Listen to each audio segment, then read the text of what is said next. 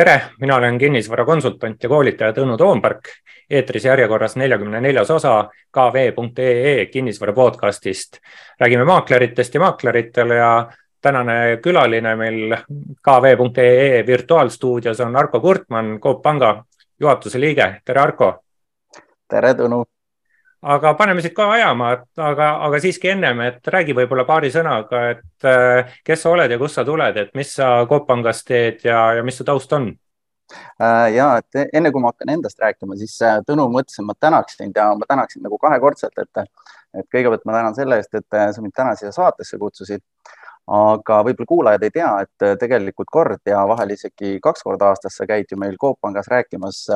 kinnisvaraturust, eks ole, ja ma tahtsin sind tänada selle eest, et sa alati lähed nagu äh, niivõrd detaili ja kogu Eestit hoomavalt siis äh, annad meile sellist head sisendit ja diskussiooni nagu objekti, et, et mille üle siis arutada, et äh, tänud, et sa oled vaevaks seda, seda tööd teha, et neid teadmisi meile jagada. ja nii, aga tulles minu juurde, et äh, et nagu sa ütlesid, ma olen äh, Coop Panga juhatuse liige ja siis minu see vastutusvaldkond on tegelikult nagu äh, koosneb neljast komponendist, et äh, ühtepidi siis ettevõtetele laenamine, teistpidi ettevõtete arveldamise teemad ja siis minu vastutusvaldkonda kuuluvad ka tegelikult siis liisingtegevus ja Coop Panga kindlustustegevus. Ja võib-olla lihtsalt kindlustuse kohta ütleks nii palju, et meil ei ole Coop Pangas kindlustusseltsi aga meil on kindlustusmaakler ja seal meil lihtsalt see loogika on olnud selline, et kui sa oled maakler, siis sa saad enda klientidele pakkuda nagu turu paremat äh, pakkumist, et, et need on nagu need äh, neli valdkonda. ja kui nüüd lihtsalt enda tausta hästi lühidalt kirjeldada, et äh, siis finantssektoris olen olnud ma kakskümmend aastat ja sellest puhtalt siis panganduses viisteist aastat. et ma olen panganduses näinud kriisiaegu kui ka häid aegu olen näinud, kuidas ühed pangad käituvad, kuidas teised pangad käituvad, et, et selline väga põnev kogemuste kogumise rada on olnud mm.. jah, et ega ei saa öelda, et ka kinnisvarasektoris igav oleks olnud, et kogu aeg on põnevust nii palju, et ainult kaks tuhat üheksateist hakkas igavaks minema, aga siis tuli topeltpõnevus peale. aga vaatajate osas oleks aus öelda ka seda, et me Äh, täna, kolmekümnendal septembril teeme saate salvestust, äh, mis siis eetrisse äh, tuleb oktoobri esimestel päevadel, sest kiired, noh, kiiresti muutuvatel aegadel võib, kes teab, mida juhtuda aga, aga, aga kui sa ütlesid, et Arko, et sa oled näinud häid ja halbasid aegu, et siin teemasse siis minnes pankuri vaade kinnisvaraturule, et mis ajad siis praegu on, on siis head ajad või halvad ajad? Ma ütleks, et äh, segased ajad on, onju. aga selleks, et nagu mõista, äh, mis täna kinnisvaraturul, noh, me ei saa üle ega ümber, et siis me peame natukene minema ajas tagasi ja ma isegi läheksin ajas tagasi julgelt äh, kümme pluss aastat ja sinna kahe tuhande seitsmendasse aastasse, kui kõik oli veel super hästi kinnisvaraturul ja siis, kui Brauchti Brahmakaga, eks ole, kõik kokku kukkus siis kahe tuhande kaheksanda aasta teisel poolel, eks ole, et kui äh, meile sai saatuslikuks kõigile siis äh, Lehman Brothersi pankrot, et ja miks see on nagu oluline sündmus, mida nagu meenutada, on see, et, et sellel hetkel sai majandus nagu nii tugevalt pihta, et siis enneolematus mastaabis äh, nii riiklikud institutsioonid eraldiseisvana kui ka keskpangad hakkasid majandusse hästi jõuliselt sekkuma ja täna me olemegi siis sellisesse punkti jõudnud, kus äh, ma ütleks, et äh, enneolematult palju äh, majanduse käekäigust sõltub sellest, kuidas keskpangad käituvad. ehk et mis ju siis tehti, oli see, et kolme aasta jooksul paisati turule enneolematu mass raha ja sellega siis lükati tegelikult erinevates piirkondades nii USA-s, Euroopas kui ka mujal maailmas majandused uuesti käima. ja ma ütlekski, et see meede oli omal ajal omas kohas ja ja toimis nagu suurepäraselt. aga mis siis nagu võib-olla läks nihu, oli see, et selle mindi natukene nagu liiale ja me sõitsime nagu sellises äh, kergelt ebakindlas äh, keskkonnas välja aastani kaks tuhat üheksateist, kus siis tegelikult keskpankurid ei julgenud veel õieti pidurit tõmmata ja kui see hetk oli piduri tõmbamiseks küps, onju, siis kaks tuhat kakskümmend alguses tabas meid ju Covidi kriis, eks ole mm. -hmm. ja noh, see oli šokk kõigile, eks ole, et tumedamad ennustused olid see, et sellest tuleb kõigi aegade sügavam majanduskriis. aga noh, tagantjärgi vaadates me kõik teame, et sellel kahe tuhande kahekümnendal aastal juhtus kaks omapärast rekordit. Et esiteks siis aktsiaturud ei olnud ju mitte kunagi nii kiirelt kukkunud, kui nad siis seal peale märtsisündmuseid kukkusid. aga siis kõige suurem üllatus oli ikkagi see, et, et toimus ka selline ajaloo kiirem taastumine ja mm. see taastumine nüüd äh, ei toimunud sellepärast, et kuidagi me oleks suutnud äh, majandust paremini käima lükata, vaid see nüüd oligi puhtalt nende keskpankade äh, sekkumise vili ja töö. Ja siis ju oli niimoodi, et kolme kuuga paisati sama raha turule, mis siis seal kahe tuhande kaheksanda, üheksanda, kümnenda aasta jooksul, siis kolme aasta jooksul, eks ole mm., ehk see, see dopingusüst oli nagu nii, nii raju et see äratas, eks ole, äh, Viimsigi surma ellu, et äh, ja nüüd äh, sellises keskkonnas ja siis me oleme nüüd toimetanud ja, ja üllatus-üllatus, selle suure nagu rahatrüki tulemusena me oleme jõudnud sellesse inflatsioonikeskkonda, eks ole, et milles meedias nüüd praegu hästi palju räägitakse, et et seetõttu oligi nagu oluline minna seal nagu ajas tagasi ja mõista nagu neid äh, allhoovuseid äh,, mis siis on meie elu tegelikult nagu tagant lükanud mm.. et no sina, sina rääkisid dopingust, et mulle, mulle meeldib rohkem võrdlus, et kus kunagine nõrk sihuke või harv kanepi suitsetamine nüüd on muutunud fentanüüli süstimiseks, et, et suhteliselt äh, valus on, kui uut süsti peale ei tule ja, ja seda me me siin näeme ja lisaks äh, sõda ja, ja energiakriis, mis ajab mängu kuidagi, kuidagi lihtsamaks ei tee. aga nüüd ma jälle sihukese endale omaselt lähen depressiivsetesse toonidesse, et kas sina näed jälle äh, rohkem võimalusi või näed riske sellistel segastel aegadel, nagu meil praegu on? noh, eks mõeldes ikkagi eelkõige siis äh, va vaatega kinnisvaraturu poole ja ettevõtluse poole. no tegelikult jah, et Äh, noh, nüüd on see koht, kus jah, võib-olla need roosad prillid peab eest ära võtma ja ütleme nii, et täna ikkagi on äh, rohkem riske ja miks ma seda ütlen, on see, et äh, kui me läheme jälle natukene ajas tagasi, siis me ju näeme seda, et kõik need probleemid, mis meil on esile kerkinud, need ei ole ju lahendust leidnud, eks ole, et rahatrüki tulemusena on meil probleemiks inflatsioon, eks ole. Covidi tõttu endiselt ei ole me saanud ju tarneahelaid tööle, et eile just suhtlesin ühe Äh, Saksa äh, tööstusautomaatikat toova, maale toova siis ettevõtjaga ja ta ütles, et täna on reaalselt olukord selline, et äh, kui klient esitab tellimuse, siis mõistlike hindadega saab ta need tehnilised lahendused aasta pärast, eks mm. ole. ja kui ta ütleb, et tõesti, kuule, et see on liiga pikk ooteaeg, siis hind juba kordistub, eks ole mm.. ehk et need tarneprobleemid on veel reaalne asi, eks ole. ja, ja noh, nagu sa tead, selle aasta algusest üllatas meid, eks ole Putini agressioon Ukraina vastu, eks ole, mis omakorda lõi siis äh, kogu selle energiamaailma pahupidi ja ma ütleks, et noh, need on sellised kolm suurt asja, mis meil nüüd siin nii-öelda vaikselt all äh, küpsevad ja need probleemid pole kuskilt otsast lahendust veel leidnud. aga nüüd me seisame nagu äh, uute probleemidega vastakuti ehk et seesama keskpanga käitumine, kes on meile pakkunud seda mõnusat taganttuult äh, väga pikalt, et äh,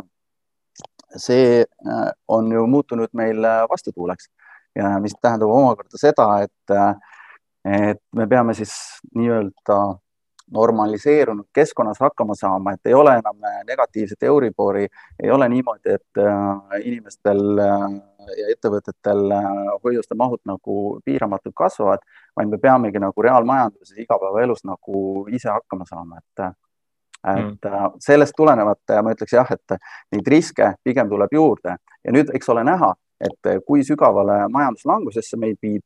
ja selles majanduslanguses, ma arvan, inflatsiooni kõrval teine number, mida kindlasti peaks jälgima, on ju äh, tööpuudus. et kui nüüd tööpuudus äh, peaks hakkama kasvama, siis ma arvan, et need probleemid on juba nagu noh, indiviidi tasandil nagu käegakatsutavad mm.. aga Äh, siinkohal äh, ma meenutaksin ühte head lauset, et äh, meil Coop Panga nõukogus istub selline inimene nagu Viljar Arakas ja, ja tema ütles selle kohta nii, et, et eks rasketel aegadel kriitikud paistavad alati nagu väga targad välja, aga päeva lõpuks on nii, et raha teenivad ikkagi optimistid. ehk et selles valguses ma ikkagi soovitan kõigil olla optimist ja see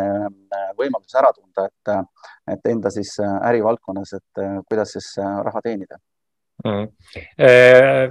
sa mainisid äh, inflatsiooni ja tööpuuduse määra, et äh, kas need on mingid siis, kui jah, et hoida fookuses, kauges fookuses kinnisvara teemat, kas need on siis kõige olulisemad näitajad, mida statistika vaatest üks pankur vaatab või on nende kõrval veel midagi? ma ütleks, et isegi see inflatsiooninumber on number üks ja ja see töö, töö, tööpuudus on äh, number kaks, et äh, aga miks see esimene number on nagu ma ütleks pika puuga nagu teistest eespool on see, et, et nii kaua kui USA-s, Euroopas ja Eestis, siis selle tuules äh, me ei saa seda inflatsiooninumbrit kontrolli alla me ei saa arvestada seda, et äh, keskpankade käitumine muutuks. Nende ikkagi selge mustvalge välja öeldud pikaajaline siht ja eesmärk on see, et inflatsioon oleks kahe protsendi juures, eks ole. me oleme sellest praegu valgusaasta kaugusel, eks ole, et mm. Euroopas on ta kuskil kaheksa protsendi juures, Eestis on ta meil siin kakskümmend pluss protsenti, eks ole. ehk et äh, kui keegi sooviks nagu äh, mingisugust hetke ajas äh, identifitseerida, kus äh,, kus äh, äh see keskpanga selline äh, tavapärane käitumine tuleks tagasi, siis me peamegi nägema, et see inflatsiooninumber hakkaks äh, jõuliselt langema, eks ole. Mm.. ja tööjõupuudusega on jah see lugu, et äh, kui nüüd ikkagi ettevõte, ütleme, et meil tuleb see majanduslangus, eks ole, ettevõtetel hakkab kehvemini minema ja kui ettevõtted reaalselt peavad hakkama nagu inimesi koondama, et äh, vot siis ma ütlen, et on äh, päris probleemid kodus, eks ole, et noh, siis on kohe pankadel esimene küsimus, et kuidas nad saavad laenu teenindamisega hakkama, et äh, küsimus ei ole enam selles, et äh, kas nad kannatavad Euribori või kallimat kuumakset ära, vaid kas nad ikkagi laenu suudavad on ju teenindada, et et, et sellepärast on ka see tööpuuduse teema nagu hästi oluline. Mm.. ja, ja kui, kui siis vaadatagi hulka selliseid negatiivseid näitajaid, siis tegelikult tööpuuduse määraga on meil pilt ju Eestis, Euroopas ja, ja tegelikult ka USA-s on äh, suhteliselt äh, ilus, et sellega midagi, midagi liiga palju kurta praegu vähemalt ei ole. aga. Äh, kusjuures praegu ei ole jah, et tegelikult, eks ole, ta on praegu meil ju Eestis on ta kuskil seal kuue protsendi juures ja eile mm. siis seda värsket Eesti Panga prognoosi kuulates, noh siis äh, nähakse, et see võib-olla järgmine aasta läheb kaheksa protsendi juurde, mis ma ise arvan, et ei ole ka veel midagi hullu. ja, ja muidugi, muidugi, et äh, mõeldes siin kaks tuhat üheksa lõppu, kaks tuhat kümme alguse peale, kus oli kahekümne lähedal, noh, peaaegu kakskümmend, mis ja, oli muidugi katastroof. aga kuidas, kuidas, kuidas sa ootad, et kas meil majanduskasv jääb nulli peale või lähme miinusesse siin ka, et praegu juba, juba on prognoosid miinusesse äh, läinud ja et kas see on suur probleem jälle finantseerimisturu kinnisvara vaatest? no kindlasti ei tule see kasuks, eks ole, aga et äh, kui sügavaks see probleem osutub, et äh, seda me veel ei tea, et tähendab jah, praegu on ju arvamus selline, et isegi selle aasta lõpp võib meil tulla, eks ole, nii-öelda majanduslangus, aga aga noh, kõik prognoosid on üles ehitatud ju nii, et äh, järgmine aasta on meil see raskuspunkt ja siis kaks tuhat kakskümmend neli lähevad asjad nagu paremaks. aga mm. kehv nende prognooside juures on see, et kui me vaatame jälle kahe tuhande kahekümne aasta lõppu, eks ole, siis mitte keegi keskpankuritest ju ei ennustanud ka selliseid inflatsioonimäärasid meil nagu täna on. et nendesse tuleb hästi ettevaatlikult suhtuda ja ma arvan, et äh, noh, selline õige lähenemine täna on see, kui sa ikkagi kuidagi elad nagu päev korraga, võib-olla on palju öelda, aga nagu kuu korraga, et, et mm. tunnetada nagu seda keskkonda, et, et hästi raske on meil siin, ma ei tea, kliendid ka ütlevad, et, et no mida ma prognoosin sulle siin kolm aastat, eks ole, et, näita mulle seda kristallkuuli, mis ees ootab, et äh, keegi ei tea päriselt, et mm okei okay., et kui, kui nüüd see suur pilt äh, kokku võtta, siis, äh, siis lähme siit edasi finantseerimise Äh, kinnisvara finantseerimise juurde, et kuidas, kuidas on äh, üldse finantseerimise, laenu pakkumisega praegu olukord, et on siin mingeid muutuseid, kuidas on kinnisvara finantseerimisega olukord pankuri vaatest mm? -hmm. no ma ütleks niimoodi, et äh, võrreldes näiteks kahe tuhande kahekümne esimese aasta sügisega ehk kui me läheme aasta tagasi, et ongi toimunud noh, saja kaheksakümne kraadiline nagu muutus ja, ja kui siis ma julgesin rääkida seda, et pangad soovivad kasvada ja ja majandus on hästi taastunud, eks ole, et et siis täna ma räägin täiesti vastupidist juttu, et äh, majanduses, eks ole, on ebaselgust rohkem kui kunagi varem. ja ütlen ausalt, et äh, turgu tervikuna vaadates, et mitte Coop Panka konkreetselt, et siis ma tunnetan, et pigem see riskisuund nagu väheneb. ehk et äh, kui täna minnakse midagi finantseerima, siis ikkagi kõigepealt kaalutakse väga hoolega läbi riskid, eks ole, ja siis muud aspektid, eks ole, et hinnastamine või midagi sellist, eks ole, et et, et see riskiisu on kindlasti vähem, mis omakorda, eks ole, siis natukene seda majanduselu võib omakorda pärssida, eks ole. Mm.. aga kui, kui palju pangandus kui selline võiks kinnisvaraturu pudelikael olla, nagu noh, ma meenutan kaks tuhat üheksa, kaks tuhat kümme aastat, kus noh, sisuliselt võis öelda, et kinnisvaralaenu enam ei saanud ja kõik, mis välja oli antud, prooviti, pangad proovisid äh, tagasi korjata jõuga või hea, heaga või kurjaga. et kas, kas, kas finantseerimise olemasolu on äh, pangandus äh, kinnisvaraturu risk või mitte? noh, kõigepealt on, eks ole, oluline mõista seda, et äh, ükskõik, kes kinnisvaraäri teeb, isegi inimene, kes ostab kodu, eks ole, et see on selline nagu kapitalimahukas tegevus ehk sul on igal juhul sinna nagu pangalaenu vaja ehk et selleks, et kinnisvaraäri teha edukalt, äh, sul on, noh, pangalaen on seal oluline nagu komponent.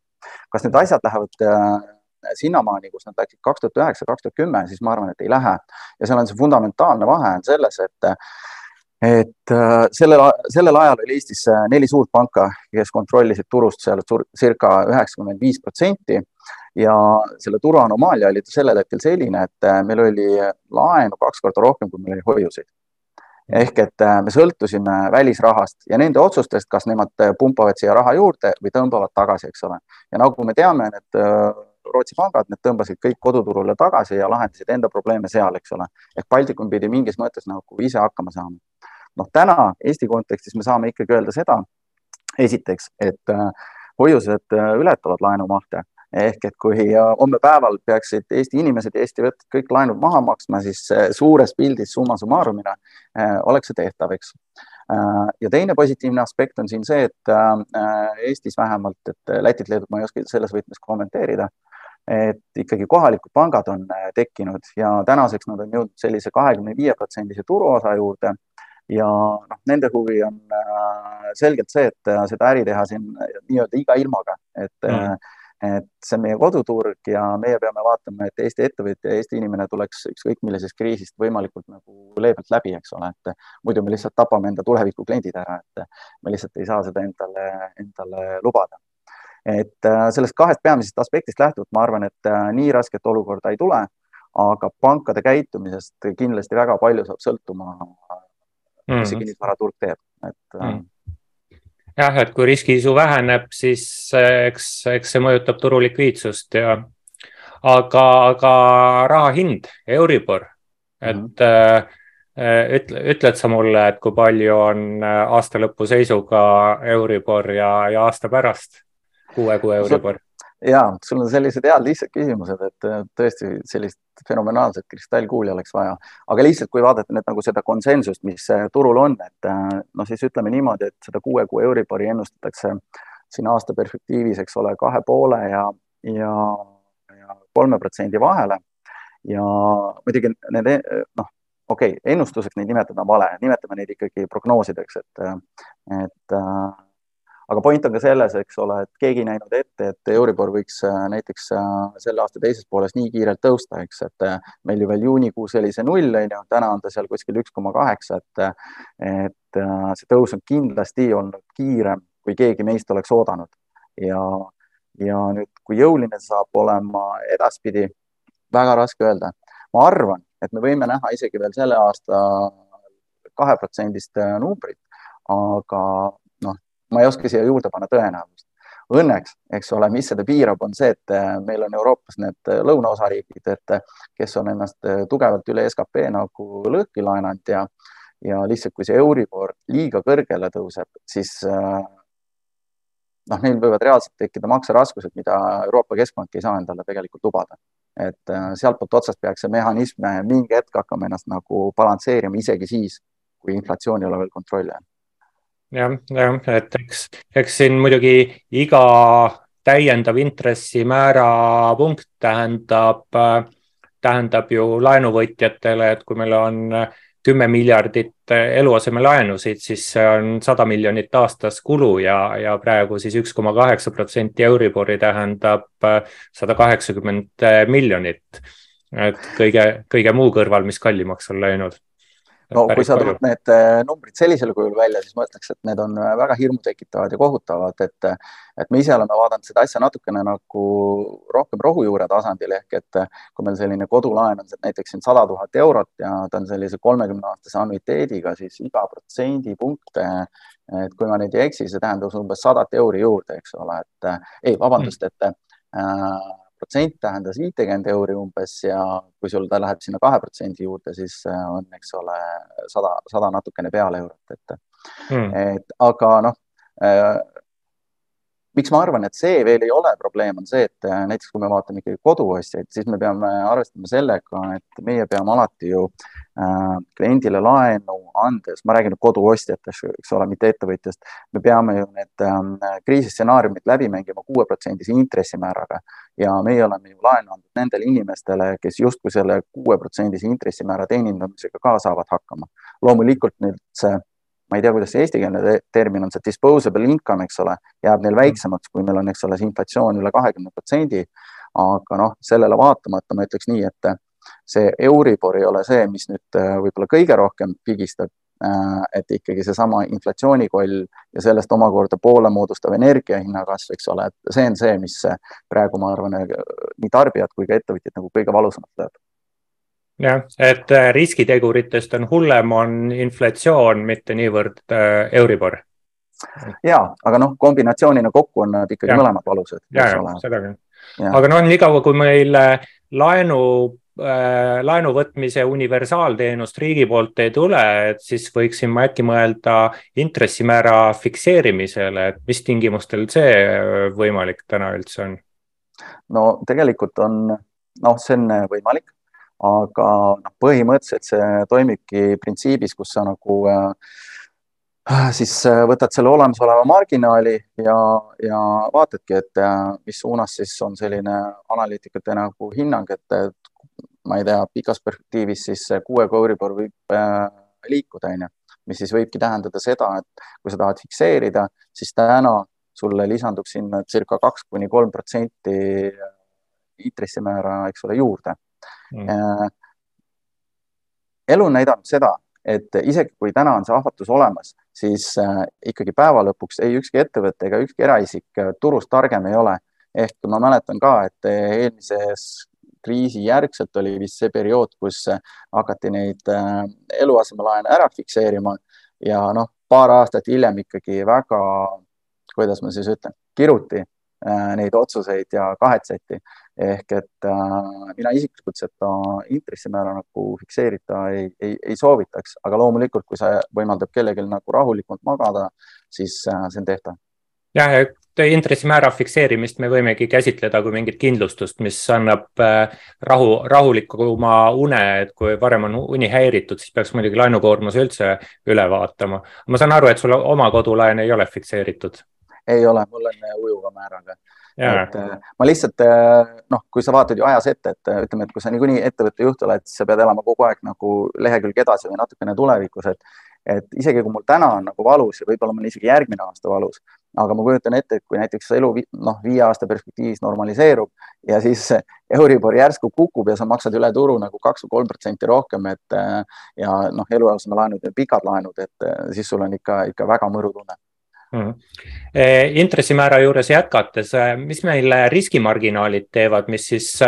kui meil negatiivse Euribori tingimustes väljastati küll laene riskimarginaaliga, mis selle aasta alguses oli, ütleme kaks protsenti Eesti keskmisena, siis kas riskimarginaalid pigem lähevad allapoole, püsivad paigal, lähevad ülespoole, mis seal toimub? ma arvan, et nad mõnda aega püsivad veel paigal, aga edasi ma ei julge öelda, et et tegelikult on ka see, et juba täna, eks ole, nii eraisikud kui ettevõtted küsivad, et äh, vaadake, et eks ole, Euribor on üks koma kaheksa, et, äh, et äkki te nüüd selle võrra langetaksite nagu marginaali. aga point on selles, et, äh, et seetõttu, et Euribor tõuseb äh,, marginaali nagu langetada ei saa et kui kliendi nagu riskiprofiil tervikuna muutub nagu paremaks, siis see on tegelikult see odavama hinnastamise nagu äh, alus, eks ole. ja kui me täna vaatame seda nagu makrokeskkonda, siis sealt tuleb nagu nii palju riske juurde ehk et äh, et täna isegi on väga raske nagu laene odavamalt hinnastada. ma arvan, et äh, kui Euribor jätkab väga jõuliselt kasvu, siis mingil hetkel jõuavad pangad sinna, kus lihtsalt selleks, et makse, noh, maksevõime oleks nagu inimestel mõistlikul tasemel, siis peab hakkama ka nagu marginaalis alla tulema. Mm. ja noh, tegelikult eelmise kriisi järgselt oli ka näha, et kui Euribor hakkas äh,, tähendab, see oli siis äh,, isegi täpset aastate arvu ei mäleta, aga kui siin meil Euribor väga jõuliselt tõusis, siis tegelikult pankade marginaalid äh, hakkasid alla tulema, et see mehhanism on nagu ajaloos sellisena juba nagu toiminud ka jah, kaks tuhat seitse, eks läks Euribor äh, niimoodi üsna tempokalt üles ja siis kaks tuhat kaheksa lõpus äh, kolinal kukkus alla. aga kui, kui me nüüd lähme jälle sammu võrra detailsema mhm. suunas, et, et ma olen nüüd täna laenuvõtja ja, ja astun panga uksest sisse, tahaksin laenu saada et mis täna on laenutingimustes, mis pank esitab teistsugust kui, kui aasta tagasi, aasta tagasi, eks siis enne aktiivse sõjategevuse puhkemist äh, Äh, Ukrainas enne seda, kus veel noh, ütleme aasta tagasi inflatsiooni oli, aga noh, näpuotsaga võrreldes tänasega, kus energiaprobleemid hakkasid vaikselt kuskilt võib-olla paistma, noh tagantjärgi tarkusena, aga neid veel ei olnud. et mis laenutingimustes on aastaga muutunud? Äh, kas me räägime nüüd kodulaenust või? kodulaenust, jah. okei okay kodulaenust, et ma küll äh, olen selline äripoole esindaja, aga, aga, aga juhatuse liikmena olen ikkagi ka natukene selle eraisikule laenamise kursis, et äh, tegelikult on niimoodi, et äh, me otseselt äh, ühtegi laenutingimust või ütleme siis laenutingimus, neid piirmäärasid veel muutnud ei ole, eks ole. aga selliseid igapäevaotsuseid tegevad inimesed, et eks need ikka natukene hoolsamalt kaaluvad sissetulekuid, eks ole, et kui jätkusuutlikud need on ja, ja ja kui me räägime LTV-dest või siis sellest suhtest, et kui palju me anname laenu siis vara väärtuse vastu, et äh, siin eks me ikka natukene jah, äh, oleme konservatiivsemad, kuigi seal on ka ju veel mänguruumi, et äh, KredExit kasutades sa saad siis selle LTV-ga omakorda minna nagu kõrgemale ja, ja kui seda ei ole, noh siis siis ma arvan, et selline ülemine määr on ikkagi kuskil kaheksakümmend protsenti, eks ole. KredExiga koos sa saad sealt nagu üle minna aga kui me keskeltläbi võtame, et siis see ikkagi tuleb sealt kaheksakümnest kindlasti allapoole, et mm. -hmm. et see on ju kodulaenude puhul, eks ole mm. -hmm. ja laenu pikkus äh,, kui pikk? kolmkümmend aastat äh, ilusti peab, eks ole. Äh, turu keskmine intressimäär on siin viimasel ajal seal kahe koma ühe, kahe koma kahe protsendi juures, eks ole, millele siis jah, tõsi on nüüd lisandunud, eks ole, see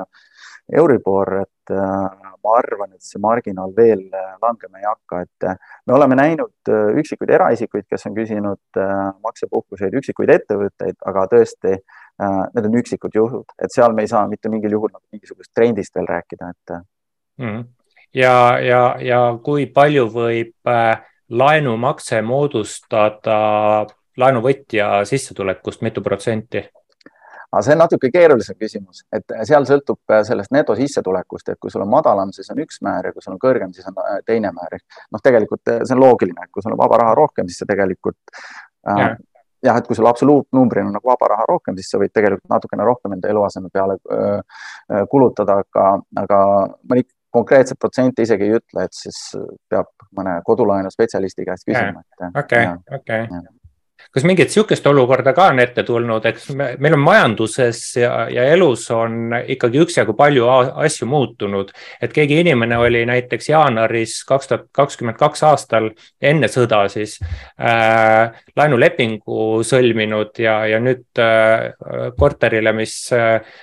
septembris-oktoobris äh, praegu nüüd valmis saab ja, ja nüüd te ütlete, et ei, me siiski laenu ei anna, et kas see on üldse realistlik, et midagi sihukest panga poolt toimub? Äh, vot siin ma ei oska nüüd teiste pankade käitumist kommenteerida, aga just küsisin meil eralaenu poolelt üle, et et kes meil vastutab selle äriliini eest ja tema ütles, et Coop Pangal ühtegi sellist juhtumit ei ole olnud, aga seal teatud võimalused taganemiseks on, et kui inimesel ikkagi sissetulek on nagu kardinaalselt muutunud, eks ole, et see kohustus, mida ta soovib võtta, et ta seda nagu mitte kuidagi nagu välja ei vea, et siis ma saan aru, et seal mingid taganemisteed on, aga noh, seal on ka alati võimalik veel alternatiivseid lahendusi leida, et et kas kaas, kaastaotleja tuleb juurde ja siis see tõstab oma, omakorda seda kuist makseteeninduse või äh, võimet, eks ole, et, et aga siiani jah, sellist asja ei ole, et mm. -hmm. ja laenu saab ainult Tallinnas või saab kuskil mujal ka Eesti piirkondades finantseeritav vara?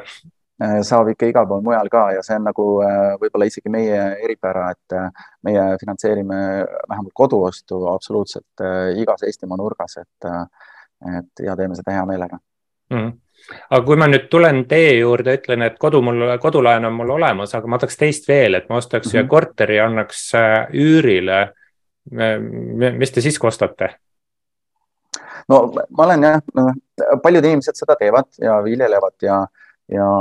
ja ma arvan, et see on ka nagu väga okei okay,, et inimesed mõtlevad tulevikule, et ja soovivad lisasissetulekut tekitada. aga printsiibis ikkagi kodulaen on mõeldud kodu ostmiseks ja kui sa soovid nagu äh, teise kinnisvara endale soetada, siis äh, reeglina ikkagi selle teise äh, kinnisvara soetamise tingimused on natukene karmimad, et seal reeglina intressimäär on natukene kõrgem. aga noh, ma ütlen, et siin on hästi raske niimoodi nagu joonlauaga lüüa, et, et pigem ikkagi tulebki vaadata seda nagu case'i põhiselt, et kui ikkagi inimese sissetulek selle nagu kannatab ka muidu välja, on ju, noh siis miks mitte, ega vabalt võib ju omada ühte kodu siin Tallinnas ja, ja suvel olla, eks ole, Pärnus või kuskil mõnes Viljandis, mõnes teises linnas, et see on ka täiesti okei okay,, et, et see on natukene selline case'i põhine lähenemine. Mm.. aga reeglina selle teise kodu ostmise hind kipub natuke kallimaks. mm.. No üks, üks küsimus, et kui põrkaks võib-olla kodulaenu juurde tagasi, aga miks mitte siis ka üüriinvestorile antava laenu juures võiks selle peale mõelda. selline küsimus oleks aasta tagasi naeruväärne olnud, aga kas gaasiküttega maja saab ka, kas gaasiküttega maja või korter sobib ka teile tagatiseks? Äh, sobib ikka, et äh, loomulikult me saame aru, et hetkel seal võivad olla, eks ole, sul jooksvad kulud kõrgemad kui, kui võib-olla, eks ole, viis aastat tagasi, et äh, aga saab ikka, et äh,, et see ei ole nagu otseselt äh, välistav tegur, et et ikkagi see laenu andmine on selline kombinatsioon sul, eks ole, omanikust, kes võtab laenu, sellest äh, maja asukohast, selle maja seisukorrast, eks ole, ja mm. siis juba nendest väiksematest teemadest, nagu sa ise ütled ka, et äh, jooksvad kulud, äh, remondivajadus, nii edasi, et et ja need kõik kokku tegelikult ikkagi moodustavad sellise terviku ja sealt pealt saame me otsuse teha, et niimoodi üks nagu komponent välja võtta, et siis see ei ole päris õige mm. -hmm. üks selline üldisem äh, teema, et aeg-ajalt käivad mingid jutud, et, et üks või teine pank vaatab äh, pisut altkulmu näiteks nõukogude aegsete paneelelamute poole, sest, äh, sest noh, need on ehitatud näiteks kuuekümnendatel neljakümneks aastaks ja, ja, ja nad on ajale jalgu jäänud, nad on moraalselt vananenud ja, ja peaks lõpetama selliste tagatiste finantseerimine. et äh, mis sa niisugusest äh, teemast arvad, et on see, on see üldse aktuaalne või, või mis? no me ei ole võtnud sellist lähenemist, et me midagi kohe nagu raudselt välistaks, et äh, välja arvatud äri, ärifinantseerimise mõttes üldse, et välja arvatud, kui see on nagu sellises hallis või ebaeetilises nagu valdkonnas, eks ja. ole aga siin on ikkagi nagu pigem nagu küsimus see, et kui sa finantseerid midagi ja sulle pannakse tagatis, siis su küsimus on see, et kas selle tagatise väärtus viie aasta pärast, eks ole, kahaneb või, või on lootust, et eks ole, kasvab, et ja kui sul on väga vana nagu hoone, siis sa lihtsalt pead arvestama seal teatava, ma ei tea, remondifondiga või suurema sellise hoolduskuluga, et, et selle vara väärtus nagu säiliks, et, et pigem sealtpoolt tekib selline äh, sa ei saa selle vastu anda nagu nii kõrget võimendust võib-olla kui heas seisukorras majale, mis või majas olevale korterile, millega sul järgnevad kümme aastat tegelikult probleemi ei pruugi ollagi, onju, et mm, -hmm. et võib-olla see on see koht, kus äh, meie poolt vaadates see king pigistab et kui me nüüd seda plokki prooviks kokku võtta, et siis laenu iseenesest saab, laenutingimused saab. muutunud ei ole. laenuhaldur küll natuke tõsisemalt süveneb dokumentidesse ja vaatab, et kõik oleks päris ja, ja kui on niimoodi piiri peal asi, siis äh, praegu ta pigem äh, äh, lükkab mind sinna hunnikusse, kellele ei anta laenu või siis küsitakse mingit omafinantseeringut või tagatist juurde, et sain ma siit õigesti aru? Ma arvan, sa ütlesid väga õigesti, et ma ikkagi ütleks üldisena, ma arvan, et laenutingimused natukene on äh, nagu äh, kangemaks läinud, aga sul oli väga õige point, et äh, et lihtsalt teatud juhtudel võib-olla hakatakse kõigepealt oma finantseeringut juurde küsima, ehk et seda laenusummat vara väärtusesse, äh, et seda ei anta enam nagu maksimumpiiri peal, eks ole, et äh, nagu seda on võib-olla siin viimastel aastatel tehtud mm. -hmm. ongi, et sihuke maksimumpiiri peale laenu andmine on riskantne tegevus ja praegu eks pigem hoiame siukseid riske kontrolli all, et kõlab, kõlab nagu loogiliselt aga kui hakkame siit siis äh, kokkuvõtte poole tüürima, et kuidas sul endal praegu tundub kinnisvara vaatest, kas täna pigem osta või müüa, et kas sa ise ostaksid või müüksid? No ma ise tegelikult olen äh, kinnisvara ostmise protsessis, et äh, siin Aha. mõnda aega tagasi said võllid sõlmitud ja, ja loodetavasti aasta pärast saavad ka majad valmis, et, et ma julgesin sellise sammu nagu teha aga õnneks ma ei teinud ka seda nagu nii-öelda päris äh, kinnisvarahindade tipus, et äh, peale seda, eks ole, veel siin äh, hinnad, hinnad läksid nagu ülespoole, et, et mm. noh, täna ma, kui ma midagi soovitaks, on ju, et meil on tegelikult selline olukord, kus nähtavus on kehv, eks ole, ja väga kihvtilt teine juhatuse liige meil Coop Panga finantsjuht Paavo Truu ütles nagu väga kihvtilt, et, et tead, praegu nagu selline tunne kus sa kihutad sajaga kurvi, aga selle kurvi nähtavus on null, eks ole. Mm.. ja vaata sellises olukorras sul ei olegi nagu muud nõuannet, kui et ikkagi võta nagu hoogu natuke maha, eks ole, et see annab sulle nagu seda manööverdamise ruumi. Ehk mis ma teistsugu, teistpidi nagu soovin öelda, et, et mingisugused puhvrid ikkagi võiksid täna olla ja kui kellelgi on selline nagu all-in strateegia, et, et noh, sellest võib-olla ma nagu distantseeruks, et praegu pole see koht, eks ole, et, et seda võib ka teha aga siis tuleb endale nagu väga selgelt aru anda, et noh, see risk on lihtsalt nii palju suurem täna, et mm. meil võib veel nagu nii palju minna kehvemaks, äh, mida me noh, kõik need faktorid, mis me üles loetasime, me isegi ei tea, mis siia võib juurde tulla. oleks ju jube kihvt, kui mõni nendest äh, negatiivsetest faktoritest, eks ole, inflatsioon, sõda, tarneahelad, tegelikult isegi me pole veel Covidist täiesti priiks saanud, eks ole, et, et kui näiteks saaks näiteks nendest probleemidest ühe, ühe, ühe, ühegi nagu laualt lahendatud, on ju, et, et siis oleks palju julgem nagu edasi minna, et, et mina soovitaks küll natukene hoogu maha võtta mm.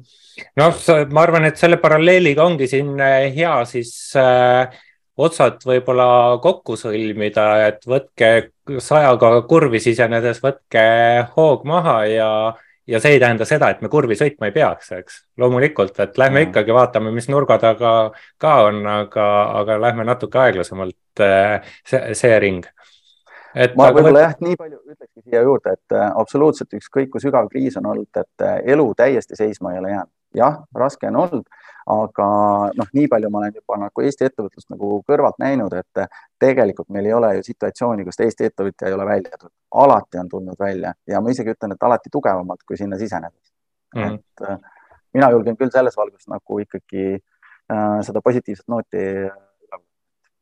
jah, ja eks kriisid ongi need, mis meid panevad proovile ja, ja annavad tugev, tugevust, et lihtsalt äh, mäest alla jõugu lastes, eks jõudu ei tule, et vahest tuleb kelk mäest üles ka vedada. no täpselt, täpselt. ja, aga võtamegi, võib-olla siin võtamegi otsad kokku ja, ja, ja täname kõiki kuulajaid-vaatajaid, et oma aega meile pühendasite. eetris oli kv.ee kinnisvara podcasti neljakümne neljas osa. Äh, külas oli Arko Kurtmann, Coop panga juhatuse liige. mina olen kinnisvarakonsultant ja koolitaja Tõnu Toompark ja kohtume järgmistes kv.ee kinnisvara podcastides ja soovin siis äh, kena Äh, saabunud äh, sügist kõikidele ja, ja, ja loodame, et siis äh, kurvi, kurvi taga midagi liiga hirmutavat pole ja järgmiste ja. kohtumisteni. tänud kuulamast ja jõudu kõigile